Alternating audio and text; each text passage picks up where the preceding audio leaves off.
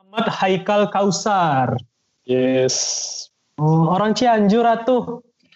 Cianjur, ke Medan tuh cuma nebeng kuliah doang. Oh, asli Cianjur. Rumah damang. Alhamdulillah bi khair. Eh, bukan.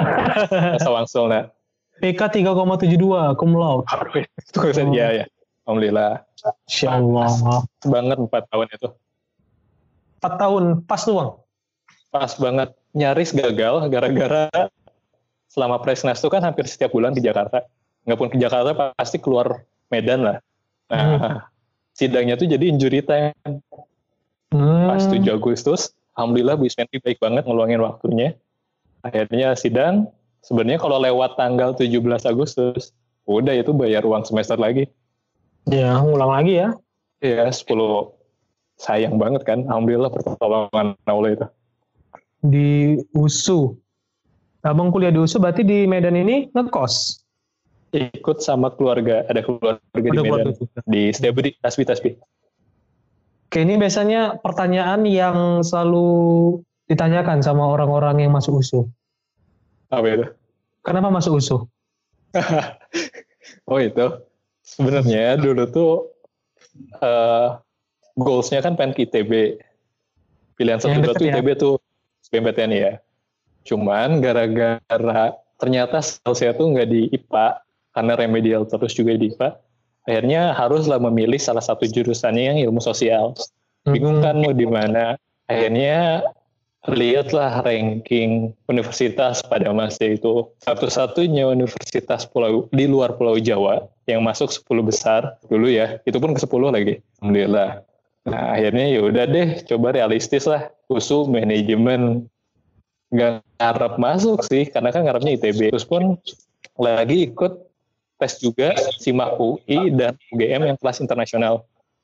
Pengumuman SBMPTN lolos. Usul manajemen ITB-nya nggak dapet sayang banget. Nah, terus UI jurusan bisnis eh sorry jurusan manajemen kelas internasional terus UGM jurusan bisnis kelas internasional. Cuman karena yang kelas internasional ini akhirnya mahal SPP-nya UKT-nya Iya 10 betul. kali lipat 10 kali lipat dari USU terus sementara oh ya udahlah daripada ngebebanin orang tua ambil aja yang murah gitu. Ya udah akhirnya milih USU berangkatlah ke Medan. Karena dulu pilihan ketiga yang memang gak, gak terlalu berharap lolos tapi mungkin ini skenario nya Allah. Dan alhamdulillah banyak banget belajar dan akhirnya berkuliah lah di USU selama 4 tahun. Dan di Medan menetap selama lima tahun. Itu SIMA UI lulus jurusan apa bang? manajemen. Manaje di UI lulus juga Iya. manajemen. Dui, kelas internasional. Cuman mahal bray. Iya. iya iya. Tapi SPP-nya Ada kelas regulernya juga kalau SIMA? Bukan ya? ada. Kayaknya ada. Ada cuman dulu tuh karena gak kepikiran buat yang simak kelas lokal kan Hmm. saya pengen nyoba lah yang internasional siapa tahu lolos eh bener lolos kan cuman pas mikir-mikir biayanya waduh ada juga mau kuliah di sisi, Iya. di sisi lain ya ya udah daripada ngerepotin udah aja ambil yang murah yang murah tapi berkualitas usul Oh, Masya Allah. Di UGM lulus juga bang? Di apa utul ya? Alhamdulillah di jurusan bisnis. Hmm. Enggak, apa ya? Gak tuh udah ada admission buat khusus kelas internasional Hmm. jurusan bisnis, ekonomik sama accounting. Saya ambil bisnis, alhamdulillah lolos. Cuma memang ya karena tadi pertimbangannya skala prioritas lah. Betul betul. Karena menariknya pas di kelas internasional tuh kan diwawancara. Hmm. Kamu siap kalau tanpa beasiswa karena di kelas internasional kita nggak menyediakan beasiswa. Peng, bingung kan? Wow. Jadi ternyata di UG, waktu itu diwawancara tuh kelas internasional tuh ya memang ya you harus mampu bayar gitu. Pas Hmm. case-nya saya ya nggak tahu sekarang. Jadi oh ya udah deh nggak apa-apa. Eh, kita pilih USU, insya Allah sama nggak jauh beda kok. Jauh bedanya.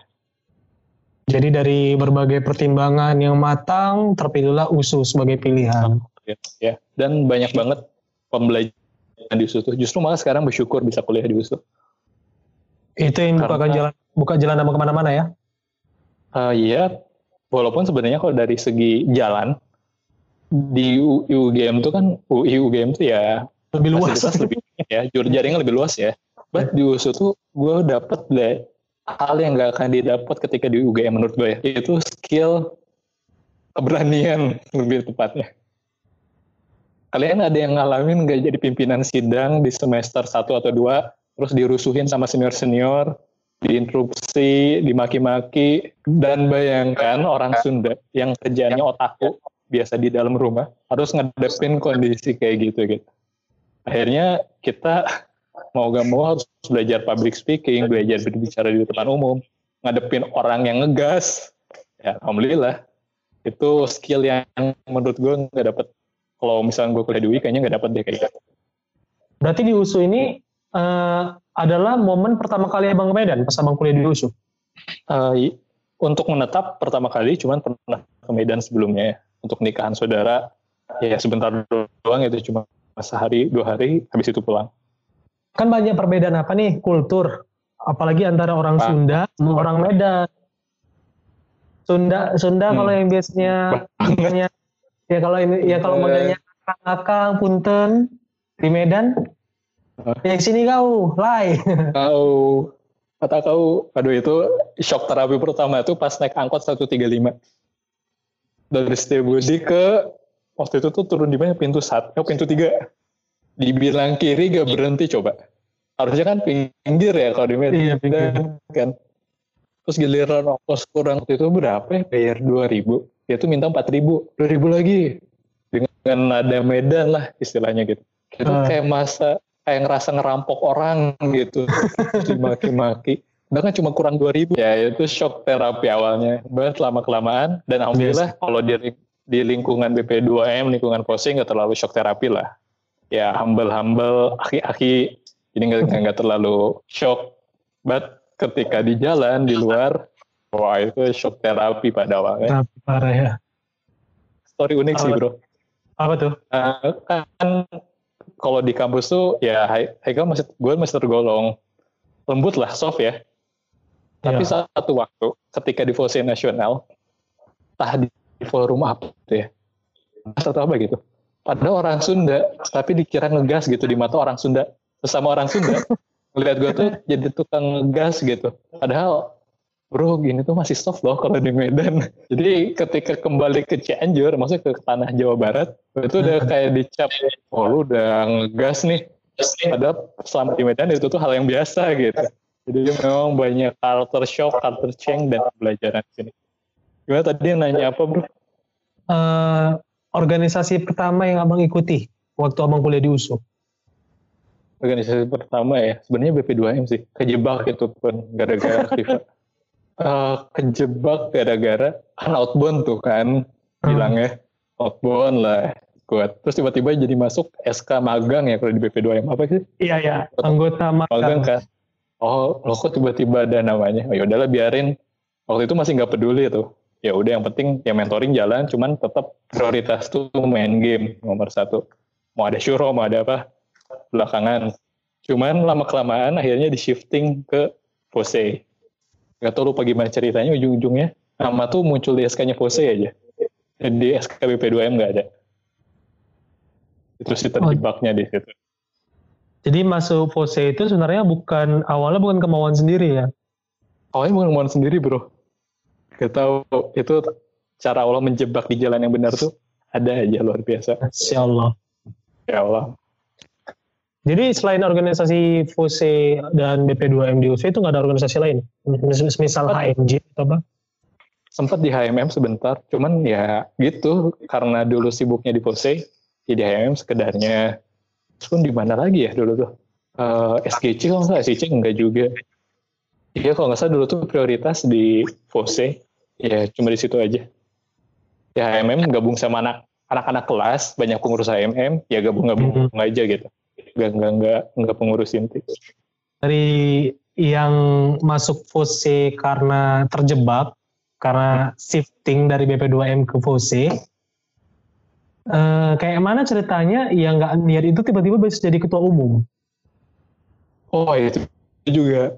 Kalau bisa kan dibilang jebak dijebak juga sih. Jujur di di daerah di ranah dakwah tuh banyak dijebak. Tapi karena dijebak di jalan yang benar jadi bersyukur akhirnya nah jadi dulu tuh kandidat yang digadang-gadang yang aktif bose itu kan bang Ali. Terus bang siapa lagi ya? Aris Sukma Siregar kemarin kalau nggak salah ikut juga Oh ya. pas reunian terus yang aktif tuh siapa lagi? Banyak lah yang aktif tuh. Nah saya sebenarnya termasuk yang ogah-ogahan walaupun dulu di panitia. Cuman entah gimana syuro itu rapat dan sebagainya FPT lah. Pas mau bahas tuh yang oh yang DP tuh padahal orang-orang yang hebat Bang Taufik yang waktu itu ngisi kajian Iya mau topik. Eh, Bang Taufik itu kandidat ketua Bang Deden, Bang Andri Caniago, mungkin dua periode dulu. Terus sama saya, Bang Ali waktu itu tuh gak tau ke mana, lupa aja. Sebenarnya masuk kandidat juga. But pas abis syuro, keluar nama Haikal, kan bingung ya. Ya akhirnya konsultasi sama pementor, ya ya udah antum jalanin aja, ya udah Bismillah di situlah belajar gimana mengimplementasikan teori-teori manajemen yang dipelajari di bangku kuliah untuk di organisasi, Organisasi, dan asik ternyata. Itu sebelum jadi ketua umum eh, atau jadi ada jadi kabir atau jadi staf apa bang? Enggak. Paling paling banter tuh cuma ketua bidang publikasi dokumentasi pas saya dan OVU kalau nggak salah. Oh panitiaan ya dalam kepanitiaan ya. Panitia saya dan itu pun ya lebih ke teknik kan. Kalau butuh desain ngedesain, butuh nyetak spanduk spanduk gitu. Jadi konseptual di Fose-nya nggak nggak nggak nggak bukan pejabat tinggi lah dulu tuh. Tapi ketika kepilih langsung belajar belajar gimana sih konseptual, rekam jejak Fose dan sebagainya dan alhamdulillah di periode saya lah dulu tuh Fose baru kita bisa menemukan jelajah alumni sampai ke titik di mana paling tinggi Bang Syahrial. Hmm, Jadi dulu kita sempat lost generation bro. Kita nggak tahu alumni kita tuh siapa. Kita cuma taunya Pose itu berdiri 11, 12, 13. 11 Desember 2013. Kita nggak tahu sejarah sebelumnya tuh Pose kayak gimana. Nah di periode saya lah, Alhamdulillah coba kita cari alumni, ngobrol sana sini. Eh ketemu lah Bang Syahrial, akhirnya diceritain sejarahnya. Dan Alhamdulillah itu yang bisa saya share ke kaderisasi selanjutnya. Itu kan tadi sekilas tentang eh, abang perjalanan abang lah bisa di Fose gitu ya. Hmm. Bisa terjebak di Fose. Nah. Itu tentang di Fose. Nah, pengalaman abang menjadi setelah dipilih menjadi Presnas ini bakal lebih ngeri lagi tuh. Nah, itu gimana tuh? eh, bisa diceritakan bang gimana sih proses dari Fose Presnas ya? USU ke Presnas Hmm. Fose? Jadi eh, itu tuh sebenarnya kita tuh yang kandidat Presnas dulu berenam yang ikut FPT ya di Monas tuh. Keren-keren kampusnya Tazkia, Sebi, Hmm. UIN Malang, terus eh, UIN Sumatera Utara, UGM, sama USU. Nah, saya kan dari USU nih.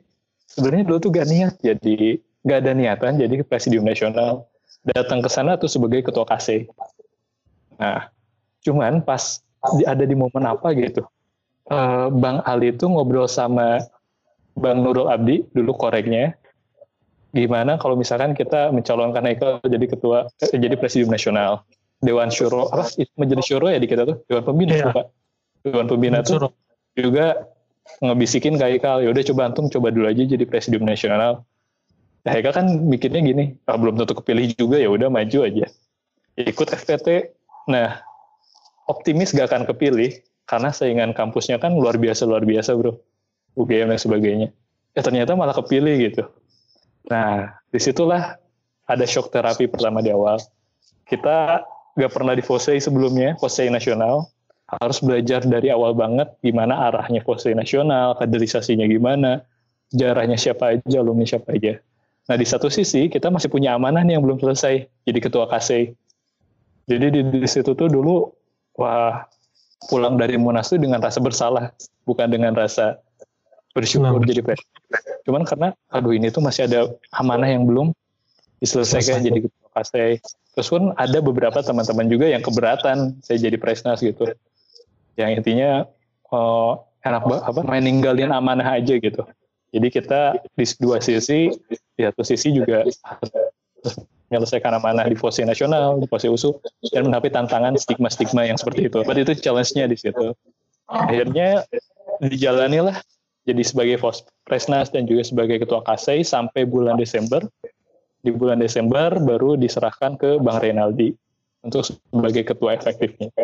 So jadi di Fosnas juga yang menarik itu akhirnya Haikal yang kepilih gitu. Karena ternyata teman-teman yang di lokasi yang milih prestasi-prestasi Anda kenal duluan di Makassar. Banyak alumni uh, Munas Makassar. Jadi ketika ke Munas Makassar tuh saya manfaatkan buat nyari relasi sebanyak-banyaknya. Kenalan sama Kasih dari Sebi dari Aceh dulu belum ada. Hmm komunikasi kayak penggalangan politik mungkin ya. Nah, pas di Munas karena pada udah kenal sama Haikal, akhirnya Haikal yang dipilih gitu. Jadi di perjalanan sama di juga kejadian uh, baru ada presnas lagi setelah 16 tahun gak ada presnas dari USU. Presnas yeah. pertama dari USU baru 16 tahun kemudian uh, saya lah yang jadi presnas gitu. Yang pertama bang itu ya, bang Bang Syarial. Syarial, termasuk sebagai penggagas ya. Founding father juga. Kalau dengan ah. ceritanya seru lah. Oke, mungkin bisa diceritakan sedikit bang tentang kebetulan uh, kenapa nama Fose, Usu dan Fose itu mirip? Uh, menariknya, dulu tuh Posei kan dirintis oleh lima pendiri ya di ODRT-nya dijelasin yeah. dan itu ditunjukkan di lambangnya juga ada kampus-kampus UI, Undip, UDGM dan lain sebagainya. Mereka merintis untuk membuat sebuah kongres namanya Kongres Kelompok Studi Ekonomi Islam. Nah, kongres itu mengumpulkan kurang lebih 70 KC yang ada di Indonesia. Nah, dulu tuh sifat KC itu bagian dari LDF. Pengetahuan saya ya. Setelah baca sejarah tuh banyak yang bagiannya dari LDF. Nah, ketika kongres berlangsung, pimpinan sidangnya tuh pimpinan yang pertamanya dari USU, Bang Syarial. Hmm. Syarial dengan apa kemampuan diplomasinya, dialektikanya memimpin persidangan Kokase. Cuman ada satu titik di mana forum tuh bingung mau ngasih nama apa. Apakah namanya KC, perkumpulan KC atau apa. Deadlock di situ. Nah, karena pimpinan sidang, akhirnya Bang Syarial share cerita waktu itu. Beliau menyarankan namanya, gimana kalau namanya Forum Silaturahim Studi Ekonomi Islam. POSE cuma ditambah S1. Untuk silaturahim itu ya? Cuma ditambah silaturahimnya doang. Karena waktu itu beliau mewakili FOSE USU, nah namanya FOSE, ya udah tambahin aja S-nya dikit gitu. Nah, Alhamdulillah ternyata diterima sama forum, akhirnya ditetapkanlah namanya FOSE, dan beliau juga jadi presnas pertama pada masa pendirian POSE. Jadi hmm. kalau misalkan dibicarain asal namanya dari mana, ya salah satunya pimpinan sidangnya dari POSE USU, kasih nama yang mirip sama asal KC-nya. Jadi hmm. itu story-nya, akhirnya ya ini bisa jadi dalil kita, klaim kita bahwa kita juga berkontribusi kok dalam pembangunan POSE dulu. Pertamanya dari USU, nama POSE-nya aja juga dari mirip POSE USU. Karena dulu POSE yang namanya KC yang namanya POSE pemahaman saya, tolong koreksi kalau salah, baru usu. Hmm, jadi pada saat kongres pertama itu, hmm. itu semua kasih itu masih berstatus sebagai LDF ya? Kebanyakan LDF dari apa ya riset kecil-kecilan lah ke sana. Di UI masih LDF sampai sekarang. Ya, Padahal salah satu pendiri LDF. Terus di Undip, Undip itu dulu LDF. Ya LDF terus jadi KC, nah terus ada program studi ekonomi syariah. Brawijaya juga saya ingat saya dulu LDF. Termasuk jadi, sendiri dulu sih ya? Iya, jadi kayak salah satu bidang di LDF ngumpul bahwa kita mau bikin forum khusus yang bahas ekonomi syariah pada itu. Oke. Okay. Oke. Okay. Ngobrol sama alumni, sempat ngobrol sama alumni. Jadi kita tuh pernah beberapa kali pindah itu keorganisasian. Hmm. Awalnya ya, Nah, terus pernah juga kita bagian dari BEM. PMA ya kalau dulu tuh. Nggak tahu ini saya jupu uh, siapa yang bisa dikonfirmasi ke sejarahnya ke sini. Nah, terus pernah juga dari bagian salah satu organisasi eksternal. Nah, sampai akhirnya kembali lagi ke bagian dari LDF, BP2M, Nah, terus Hmm. akhirnya jadi UKM fakultas di bawah gubernurnya Pema, di bawah Pema. Dulu tuh yang ngelantik tuh pas zaman saya ya. Yang yang ngelantik tuh eh, gubernur karena menurut statuta USU LD LDF sorry BEM Pema fakultas tuh berhak membuat UKM fakultas. Nah, pas momentumnya dulu Bang Takwa dan Bang sorry Bang. Brilian yang jadi Bang Brilian, akhirnya dikeluarkanlah SK buat membentuk UKM Fakultas FOSE. Nah, berjalan jadi UKM fakultas sampai akhirnya alhamdulillah di periodenya teman-teman bisa jadi UKM universitas. So, jadi FOSE itu perjalanannya pernah ngalamin jadi bidang di LDF, bidang di PEMA, bidang di salah satu organisasi eksternal, sampai akhirnya kembali ke LDF, sampai akhirnya jadi UKM fakultas, sampai jadi universitas. Nah, memang untuk yang PEMA sama himpunan mahasiswa eksternal ini, kita ada link, ada miss generation nih. Nggak tahu siapa alumni yang bisa dikonfirmasi, but sharing sama alumni yang lain, Bang Syahrial dan sebagainya, kita pernah mengalami masa-masa dinamika seperti itu. Jadi panjang perjalanan fase itu. Hmm, Jadi menarik ya sebenarnya FOSE ini yang awalnya kami tahu hanya da- sebuah dari bidang LDF, ternyata rupanya udah banyak dinamika yang terjadi di kepengurusan FOSE ya. Banyak. Dan kita ada lost generation di situ. Hmm, jadi sekarang kalau dikumpuli semua alumni kita kalau dapat banyak juga berarti. Banyak juga. Dan memang dulu pun irisannya, alumninya masih irisan sama BP2M kan. Hmm, Jadi tinggal di Tabayun istilahnya, ya, ya Tabayun ya, ngecek dulu siapa aja sih yang pernah jadi ketua bidangnya FOSE, kabinnya FOSE. hmm. Kayak seperti itu. Menarik sih. Banyak ada apa gap sejarah yang belum kita ketahui. Karena usianya bukan cuman terhitung dari 2013 FOSE itu ada. Tapi sejak dari 1998 sih nggak saya. Ya BP2M itu kan kalau nggak salah 1990 ya adanya. Ya. Nah, saya nggak tahu apakah 92 sampai 98 tuh udah ada FOSE Cuman ngobrol sama Bang Syarial tuh Bang Syarial jadi ketua FOSE itu se- semenjak tahun 98. Taruh gimana? Taruh ada nggak? Kak? Kalau dari Ani sendiri mungkin ya bakal ini ya bakal beda jalur sedikit dari apa namanya Hmm. dari kefosean. Nah kan ini salah satu hal yang perlu dimiliki nih sebagai seorang kader ekonomi syariah gitu. Karena kan banyak nih orang yang eh, fokus kayak abang ini kan fokus amanahnya tinggi banget ya sampai jadi presnas. Nah tapi abang sendiri nggak nggak dari segi akademik bagus banget bahkan kan. IPK sampai 3,72. Nah gimana? Ada nggak trik dari bang? Walaupun ini mungkin pertanyaan ini ya pertanyaan terlalu Klasik. biasa, ya, klasik lah. Udah banyak orang nanya. Cuman ini kan kebetulan sebagai alumni dari FOSE sendiri. Da- kalau dari abang sendiri triknya gimana tuh menyeimbangkan antara keduanya? Terus dikit Hmm. nambah dikit ya bang. Hmm. Gimana gimana? Bahkan dari di era pengurus sekarang itu banyak pengurus yang terbagi dua yang memang fokusnya ke organisasian sama yang fokusnya cuma untuk akademik. Iya, Tapi. Hmm. gak ada gak ada yang seimbang gitu yang organisasi jalan, akademik juga jalan. Mm-mm. Oh iya, triknya ya. Mungkin ada sih trik pertama yang mau saya share sama teman-teman. Eh, pertama kenapa sih bisa, Alhamdulillah izin Allah bisa akademik dapat, amanah juga tunai, ya eh, ditunaikan dengan semampunya saya. Nah, pertama eh, untuk dapat akademik yang baik, trik saya itu pertama love what you learn. Jadi saya memang passion banget di manajemen, senang banget manajemen, sehingga ketika belajar manajemen tuh bukan ya saya harus belajar gitu, tapi kayak eh, apa ya? Mungkin kalau kalau kita kayak mungkin kayak baca manga, baca novel, oh, suatu hal yang menarik buat kita. Jadi ketika waktunya belajar tuh ya nggak nggak menjadi itu sebuah beban. Pasti nih belajar manajemen, belajar kasus bisnis apa lagi ya, sebagai belajar sehingga ketika waktunya di kelas tuh walaupun ngantuk-ngantuk karena capek di amanah, tapi tetap enjoy gitu, kan nggak merasa terbebani. Yang kedua, jangan terbebani ketika ngejar IPK.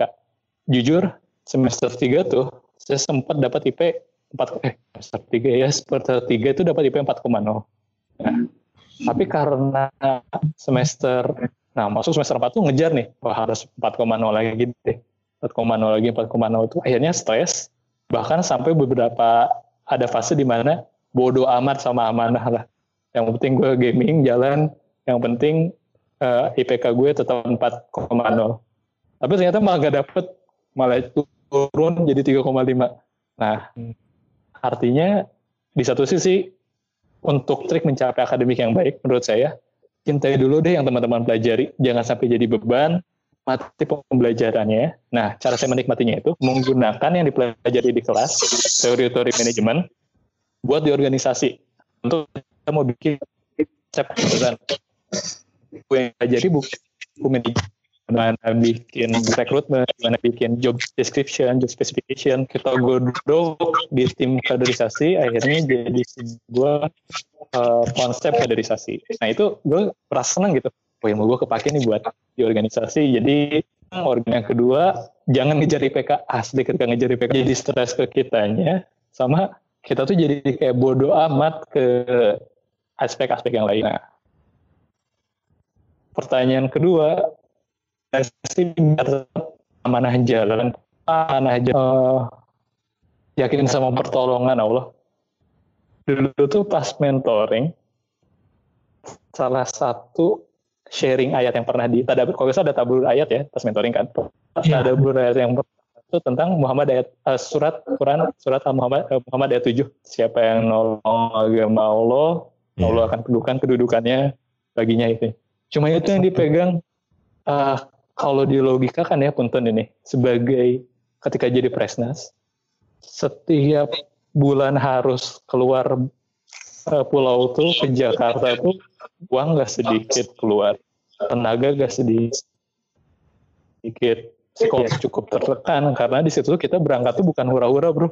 Kita harus dialog sama tokoh bahkan kadang terkena pressure dari alumni bahkan kadang juga dapat kritik komentar kekecewaan dari yang kita pimpin one does not simply lah terus juga kadang kita harus seimbangkan dengan skripsinya kita waktu itu lagi nyusun Nah cuman satu yang dipegang dulu tuh cuma satu ayat.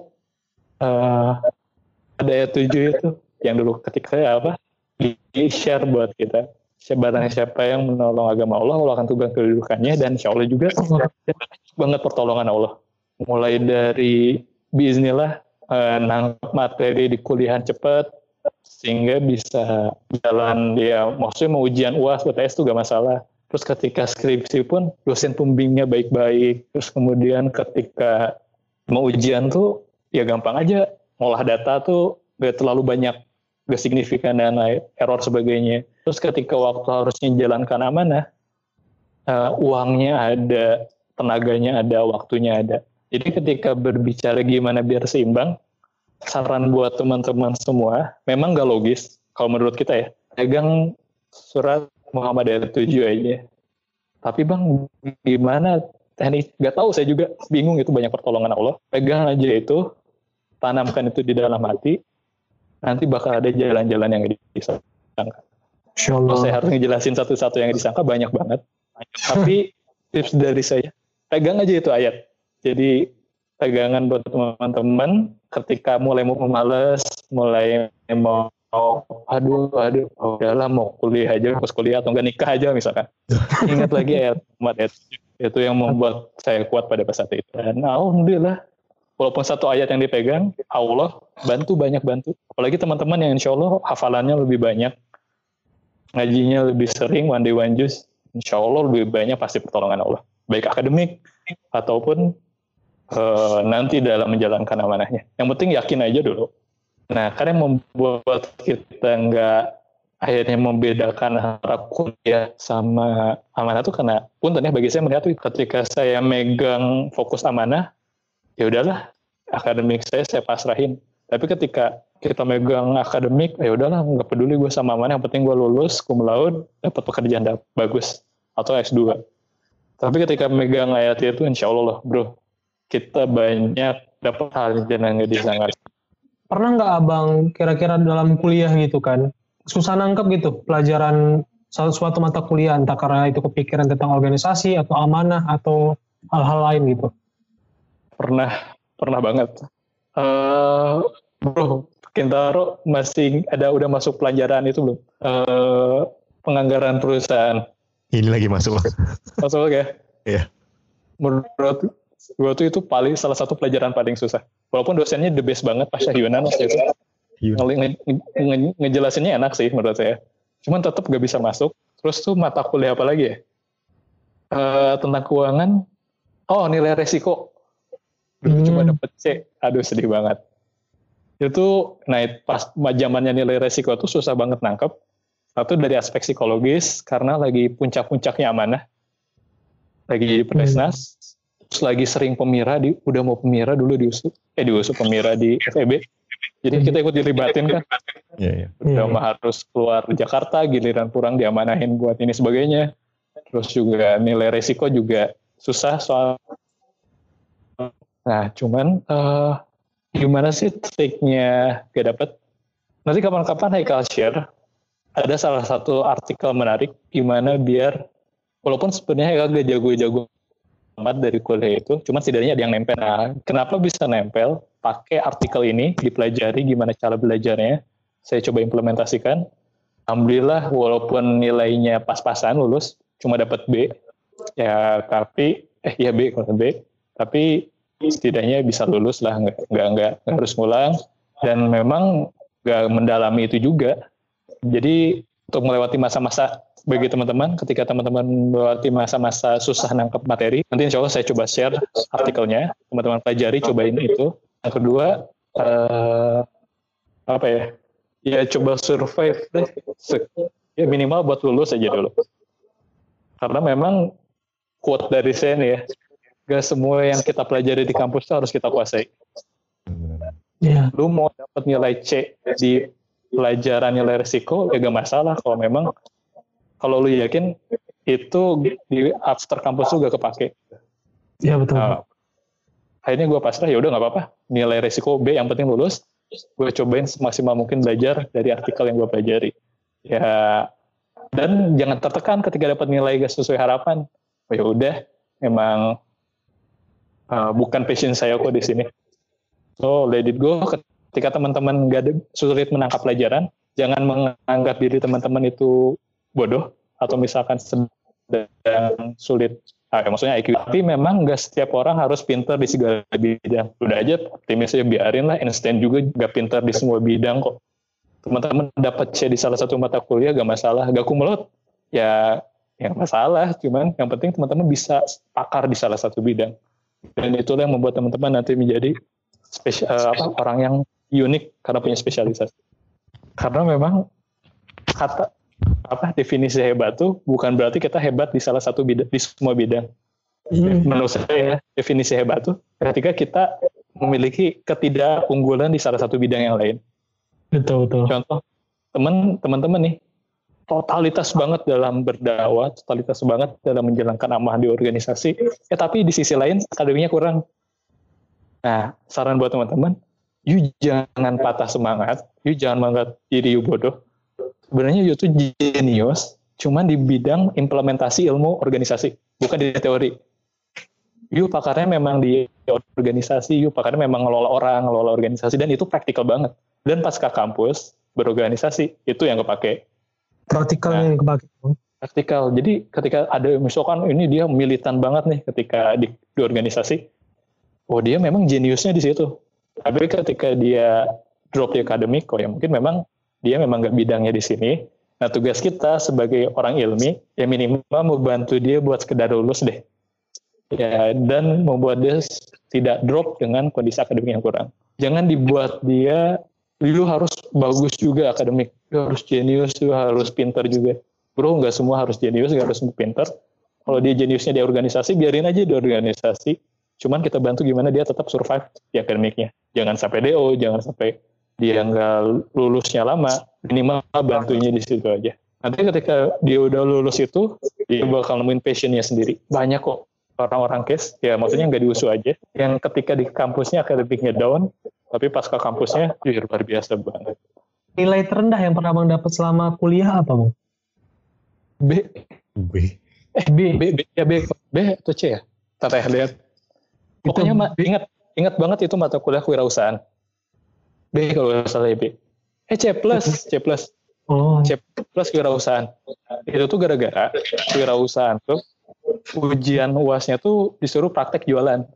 Oh. oh, kita bikin usaha jualan dan pokoknya presentasi pencapaian usahanya gimana. Jujur gue tuh memang nggak ada bakat jadi wirausaha. Dan di saat itu mata kuliahnya tuh kan harus menuntut jualan. Gue tuh gak ada waktu buat jualan buat ya buat promosi bikin usaha cuman sekedar bisnis plan doang tapi gak dijalanin akhirnya nilainya C plus Kamu emang nggak Iya. pernah ngulang sama sekali? sama di Medan Ah, ngulang mata kuliah? eh, oh ngulang alhamdulillah enggak Nggak. Tapi gini loh, tentang ini agak ke akademik nih ya. Kan eh, mau lanjut S2 itu berkaca dari ada nih sepupu aneh itu pergi pergi ke luar negeri lah kuliah gitu kan ngambil S2. Dan Oke. salah satu patokannya tuh mm, dari nilai loh, dari nilai. Nah, jadi kalau dari abang pribadi ya, itu saran lah. Ini kan sempat agak dilema juga nih. Ada yang berfik, ada yang menyarankan jangan sampai lah tuh ada ada nilai C karena akan Hmm. berpengaruh tuh. Jadi bagusan ngulang. Dan ada juga yang males ngulang gitu. Masa ya memang di situ aku tuh lemahnya di situ gitu. Jadi ngapain Ah, iya. diulang gitu. Nah, jadi kalau menurut abang nih, misalnya ada yang mau melanjutkan ke akademik, lanjutan jenjang akademik selanjutnya, atau Hmm. mungkin ke pekerjaan, karena kan pekerjaan juga banyak yang terutama di perusahaan-perusahaan yang oke, minimal IPK tuh tiga setengah ya, tuh di oh iya ada yang ngasih taraf gitu. Nah, Hmm. kalau dari, dari abang pribadi sarannya tuh gimana? Oke, pertama gini, strateginya ya. Ketika teman-teman ingin memutuskan ngulang, satu benar tadi, jangka panjangnya pertimbangkan. Kalau sekiranya teman-teman ini pengen ke Bank Indonesia karir, minimal kan tiga ke setengah tuh. Nah, ngotot banget pengen ke B, ya udah ngulang. Cuman strategi keduanya, lihat dulu ngulang itu dosennya siapa. Kira-kira bakal dapet siapa. betul betul. Itu teman-teman ada, dia berusaha buat memperbaiki nilai. Dapatnya dosen itu lagi, nilainya sama, malah ada yang malah Lebih parah. turun aduh itu kocak nah gini. Ketika teman-teman merasa emang ini nggak passion tapi gue tuh pengen lanjut S2 atau S3 eh sorry S2 atau kuliah kerja. Nah kalau untuk kuliah itu bisa diakalin teman-teman transkripnya nggak banyak S2 yang by riset oke? Teman-teman bikin proposal riset tentang apa, kirim ke profesor di sana, profesornya tertarik, you berangkat, yang, yang penting bahasa Inggris bagus. Ada beberapa teman yang kayak gitu, di IUM contohnya, terus juga ada, di Durham juga beberapa kayak gitu, yang by riset. Mereka gak terlalu melihat IPK, yang penting you punya topik riset menarik, ada profesor yang mau ngebimbing, ada bahasa, Inggris you bagus, you bisa S2 di sana. Tapi memang ada juga S2 yang jalur non riset. Nah, jalur S2 yang jalur non riset memang dilihat nilai transkripnya. Nah, itu tinggal dipinter-pinter teman-teman kira-kira perlu ngulang atau enggak. Sekiranya kalau dengan enggak ngulang itu bisa mengganggu masa depan, walaupun itu teman-teman gak passion, bagus ulang aja. Tapi pastikan dosennya memang menja bisa menjamin kita naik nilainya. Jangan Hmm. sampai udah maga passion, terus teman-teman juga harus ngulang banget. Ya udah, terus teman-teman dapat dosen yang sama, akhirnya nilainya sama lagi. Itu wasting time banget. Terakhir nih bang, mau nanya tentang pen- penting nggak eh, kita deket sama dosen? Maksudnya menjalin hubungan yang baik dengan dosen atau gimana gitu? Karena ada beberapa tipe mahasiswa yang nggak suka deket sama dosen, yang udah dia kuliah-kuliah aja sama dosen biasa-biasa aja gitu. Eh, kalau menurut saya pribadi ya, eh, penting nggak sih dekat sama asing? Penting. Cuman, cuman jangan sampai di benak kita karena kita berpikir itu penting, sehingga kita maaf jadi kayak so, so apa ya? PDKT atau kasarnya menjilat ke dosen. Hmm. natural aja gitu. Saya juga ketika di kampus gak banyak dosen yang deket. Dosen-dosen banyak itu gak, apa gak banyak dosen yang deket. Malah do- satu-satunya dosen yang deket sampai sekarang komunikasi itu Bu Profesor Sventi Sadalia. Prof. Sventi. Nah, eh, kita ah, saya pun gak berusaha mendekati beliau karena ada kepentingan gitu. Tapi karena memang oh enak diajak diskusi. Bahkan beberapa sekali beliau kita kenalin Fose ke Bu Isventi. Bu kita Fose Ibu bersedia nggak jadi pembinanya Fose gitu. Terus kajian rencana bahkan silaturahim ke sana.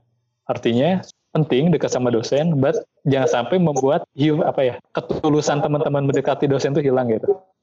Let aja mengalir aja. Ya jadi teman-teman bakal menemukan polanya sendiri beda tapi memang ada beberapa teman-teman yang memang gampang banget dekat sama dosen. Saya termasuk yang introvert gak pandai bersosialisasi sama orang sehingga gak bisa semua dosen dekat nah tapi ketika kita menjadi diri sendiri natural gitu. Nanti juga ada dosen kok dekat yang sama kita kita pun dekat sama dosen itu walaupun gak banyak. But it's about quality not quantity brother. Oke bang, mungkin uh, untuk penutupnya mungkin abang bisa berikan closing statement terkait pesan abang untuk mahasiswa sekarang yang mungkin akademiknya lagi down, yang mungkin lagi padat-padat dengan amanah, tapi mungkin dia punya pandangan ke depan untuk melanjutkan pasca kampusnya lebih baik dari yang sekarang, entah dia ingin nyambung S2 ke universitas yang dia inginkan, atau hal lainnya yang dia inginkan gitu. Oke, okay. uh, eh, share buat teman-teman yang calon maba juga kalau yang mendengar podcast ini dan juga teman-teman yang sedang berjuang di akademiknya. Pertama, ketika teman-teman terpuruk di akademik, yakini bahwa kita tuh nggak harus pintar di semua bidang. Teman-teman punya bidang jeniusnya masing-masing. Ketika teman-teman merasa down di akademik, mungkin itu tanda dari Allah. Memang teman-teman tuh bukan bidangnya di situ you cari lagi, you you bisa ber, terus ber, bereksplorasi pengembangan diri, mencari passionnya di mana, you geniusnya di mana. Saya bisa bisa cum laude kayak gini, alhamdulillah bismillah, terus juga bisa dapat S2 beasiswa full, cum laude juga lulus, berprestasi di beberapa kompetisi. Itu bukan tidak pernah melewati masa-masa jadi orang bodoh. SMA tuh saya hampir semua mata kuliah remedial. Karena jurusannya IPA, bakat saya nggak di IPA, dan nggak masalah gitu. Waktu itu. Artinya uh, tetap teman-teman jangan patah semangat dan tetap selesaikan akademiknya sebisa mungkin. Berarti bukan bukan berarti menyerah, cari metode belajar yang bisa membuat setidaknya teman-teman nyaman dalam pelajaran itu.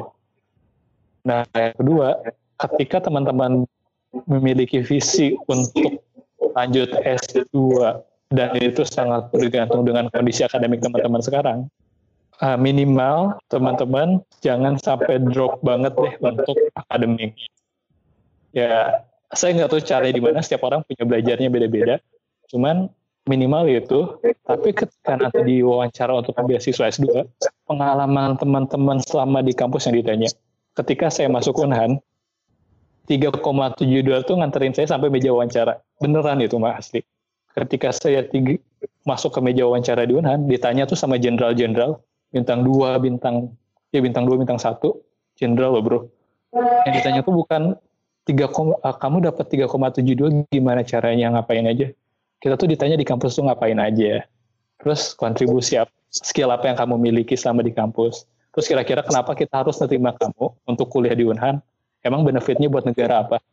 Benar apa? Terus kira-kira kamu bisa berkembang nggak di Unhan so uh, tetap semangat empat tahun di kampus itu bukan waktu yang sebentar. Waktu yang banyak banget bisa teman-teman manfaatkan untuk menjadi pribadi yang hebat. Empat tahun ini tuh bisa berdampak untuk 5 sampai 10 tahun teman-teman akan datang. Manfaatkan, ambil jatah gagal teman-teman. Gagal di kuliah kah, gagal dalam menjalankan amanah kah? Ambil aja jatah gagalnya, abisin semua di kampus, habis dari kampus sisanya jatah-jatah keberhasilan. Dan jangan drop. Ketika gagal ya drop gak apa-apa. Cuman cepet recovery-nya cepet. Gitu aja sih. Buat teman-teman share sedikit. Mungkin karena waktu asar juga ya. Iya. Kapan-kapan kalau mau ngobrol lagi bisa. Cuman uh, kita cari waktu yang lebih tepat. Oke. Okay. Uh, eh, terima kasih untuk Bang Haikal yang udah memberikan cerita dan pengalamannya selama beliau kuliah sampai sekarang udah lulus S2 ya bang? Alhamdulillah udah. Alhamdulillah. Mungkin bisa di-share bang, mungkin Instagram abang atau sosial media abang, mau tahu ada yang mau nanya-nanya ke abang. Hmm. Oke, okay, jadi di saya uh, kalau teman-teman pengen sharing atau diskusi, seputar mungkin topik spesialisasi saya di bidang pertahanan, ekonomi, ya dan juga hubungan internasional sedikit. Teman-teman bisa share apa ngobrol kita di Instagram Haikal Kautsar. Ya, Haikal Kautsar atau Haikal Kautsar nanti bisa di follow.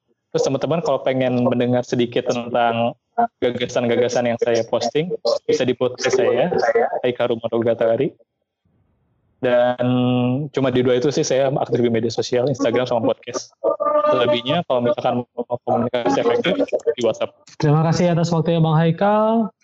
Yo makasih juga untuk Dani dan Kintaro sukses kuliahnya Amin, amin. UBS.